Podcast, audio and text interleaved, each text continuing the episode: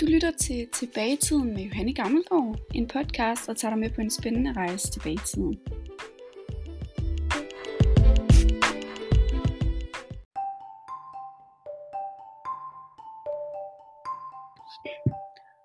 Hej og velkommen til dagens afsnit af Tilbage i tiden. I dag der springer vi lidt væk fra antikken. Vi skal nemlig snakke om middelalderen og øh, korstogene. Og til det der har jeg fået en gæst med, Anna Ramsgaard, som er ekspert på det område. Yes. Yes. Jamen altså, øhm, til at starte med, så vil jeg fortælle lidt om, øh, hvad hedder det, det er jo faktisk egentlig den arabiske kultur, vi så udgangspunkt i, øh, og samt den kristne selvfølgelig. Øhm, ja, fordi i middelalderen, der spillede religion en meget, meget, meget stor rolle, hvis ikke den største rolle i Europa. Øhm, men i europæisk middelalder, der begyndte religion islam altså også, også sådan vinde frem, hvis man kan sige det.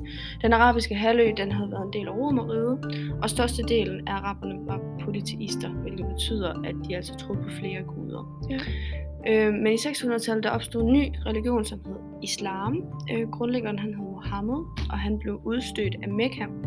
Øh, og i Medina der opbyggede han sig altså en ny position som krigsherre, politiker og profet. Øh, ja, Mohammeds retmæssige arvinger, arvinger de kaldes kalifer, øh, og kalifatet det blev altså grundlagt.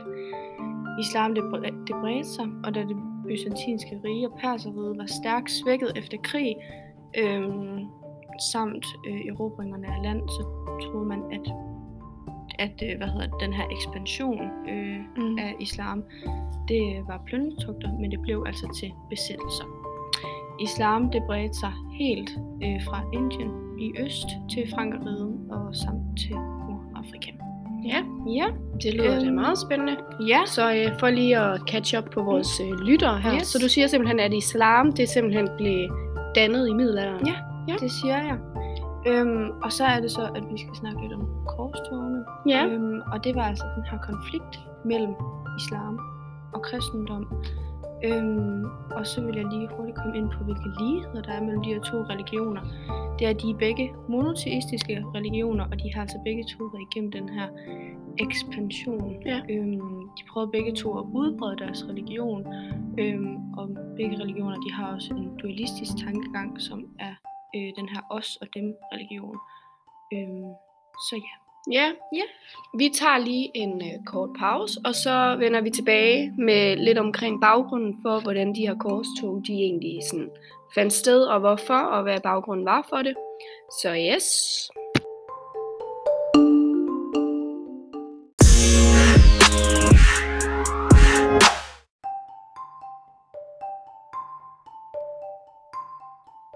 Det var øh, den meget korte pause. Vi er tilbage igen, og nu skal vi snakke lidt om, hvad baggrunden for de her korstog det egentlig var.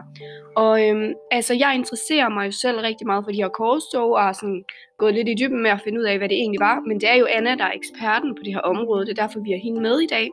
Øh, og hun skal fortælle os rigtig meget godt og rigtig meget lækkert, som vi kan bruge til vores viden i fremtiden. Men nu vil jeg lige starte med at fortælle lidt omkring baggrunden for de her korstog.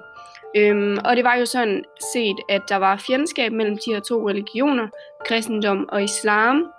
Øhm, og øh, ja, det var så, øh, da den byzantinske kejser, øh, han så sig troet af de tyrkiske sjældjukker, øh, at han bad øh, de kristne i Vesteuropa om hjælp til ligesom at få de her islamister ud af landet. Øhm, og det fik så paven til at sætte de her korstog i gang. Øh, og der var ligesom flere forhold, der her havde betydning for, at den vesteuropæiske hær, de ligesom kunne gennemføre sådan nogle krigstog med succes, for det var jo vanvittige, voldsomme togter med blod overalt og drab og så videre.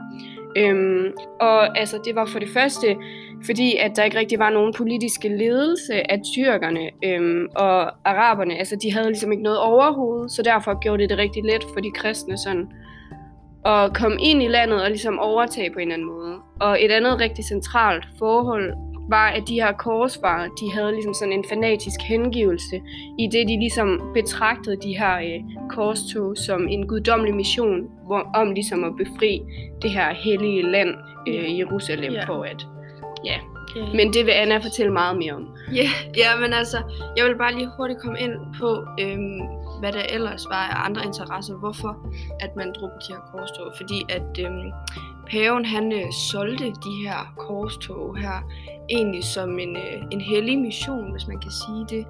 Øhm, og han, jamen, han sagde faktisk også, at, øh, at man ikke kunne komme i himlen, hvis ikke man tog med, altså hvis man var værdig til at tage med. Øhm, men ja, men i virkeligheden, så var der egentlig, hvad hedder det, der var rigtig mange øhm, øh, interne konflikter øh, i Europa på det her tidspunkt. Øh, ja, og den, al den her krigeriske aktivitet, den ønskede man at pege lidt mere udad. Øh, så den, det her med, at man kunne gå sammen om et fælles øh, mål, det skabte ligesom også øh, noget ro i Europa. Øh, og ja, og det var, det var jo af pavens øh, interesse, hvis, øh, hvis man kan sige det. Øhm, ja, og i starten, der, øh, hvad hedder det, der var der en lille koalition af en øh, lille gruppe franske og normaniske adler, der ledte korstogene til Konstantinopel. Øhm, og i 1097, der begav de sig gennem Lille Asien, og i, to, i løbet af to år, der kæmpede de sig så frem til Jerusalem. Og det var jo netop Jerusalem, der er øh, samlingssted for det her, fordi at, øh, at den, det var jo her, øh, det var byen, hvor Jesus han blev korsfæstet og begravet, og den var nu øh, indtaget af islam. Så øh, ja, det er altså derfor, at det lige er Jerusalem, der den falder på her. Øhm, ja, og så den 5. juni, øh, juli øh, 1099, så stormede de kristne i Jerusalem, og det endte med en massakre på de muslimske og jødiske folk, der boede i byen. Ja. ja. Ah, men det er jo simpelthen så spændende. Altså. Ja, ja det er det. det. Altså, Mm. det er...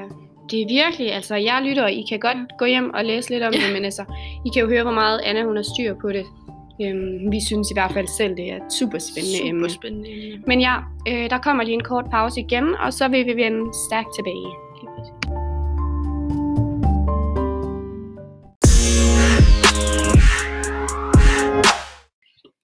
Yes, vi er tilbage igen, øh, og det er egentlig lidt en afrunding, vi kommer til nu. Øh, vi vil lige snakke kort om, hvordan det her religionsfjendtlighed det egentlig er i dag.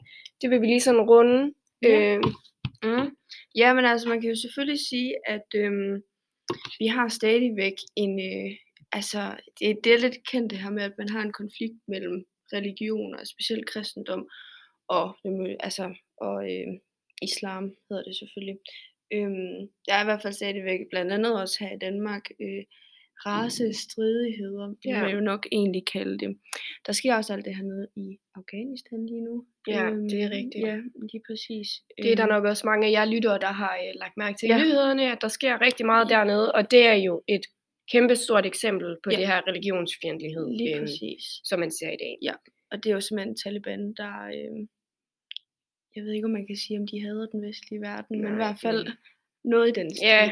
Øhm, og ja, men man kan, eller jeg tror, at øhm, racisme, øhm, det har mindre at gøre med religion og mere at gøre med race i dag. Ja. Der er selvfølgelig også altså religionsracisme, men vi, vi tænker mere i racer Ja. i, i dag. Jamen, Øhm, det er jeg helt enig i. Ja, og her der kan blandt andet nævne øh, altså Ku Klux klanerne, som øh, ja, er de her kristne klaner, er det vel egentlig, Ja. der er øh, simpelthen, altså alle sorte mennesker i USA, de mener, at de skal, de Ja. skal, ja, Virkelig, og det er jo også vildt, at øh, det her Ku Klux Klan, det stadig kan eksistere den dag i dag, fordi det var jo også rigtig meget op der i 1900, Ja. og jeg ved ikke engang lige, hvornår det var, men Ja. i hvert fald der omkring Ja.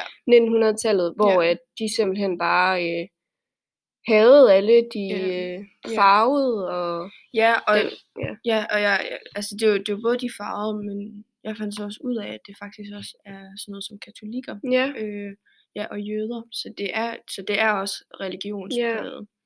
Ja, øhm, og så kan vi jo så også lige springe videre til, hvilken betydning religion får i fremtiden. Fordi Ja. det har jo haft kæmpe betydning i fortiden. Det har det delvist også stadigvæk i dag. ja, men i dag kan man sige det sådan meget varierende fra person til person, hvor meget religion betyder. Lige præcis. Der er også sådan flere og flere, der bliver ateister. Ja, ja. Øhm, og simpelthen vælger ikke at tro på noget. Mm. Øhm, Ja. ja. Ja, og vi tænke lidt over det. Øh, vi snakkede lige om det her i pausen, Ja. og at, øh, hvad hedder det, vi tror, at religion det kommer til at bevæge sig lidt i bølger. At lige efter en hver stor krise, hvis man kan sige det, efter en stor krig for eksempel, der øh, bliver folk øh, mere tilbøjelige til at gå over til religionen.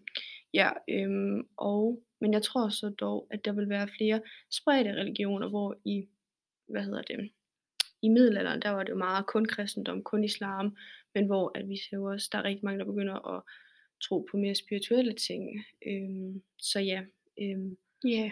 Ja. Mm. yes, Ja, og det var sådan set egentlig det, vi havde lidt for i dag på programmet. yes. Øhm, og så vil vi jo opfordre jer til altid bare at skrive ind, hvis I har nogle idéer eller noget at sige til det, vi har sagt. Øhm, yes. Vi er klar til at åbne en debat, hvis det skal være det. Og så må I også altid gerne komme med øh, idéer til nye afsnit, noget I gerne vil høre om. Mm. Øhm, så øh, vil vi gøre alt for at tage det op, i hvert fald. Yes. Men det var, hvad vi havde i dag, så vi håber, at øh, I nød at lytte med, og at I vil lytte med i næste afsnit også. Så øh, hej herfra.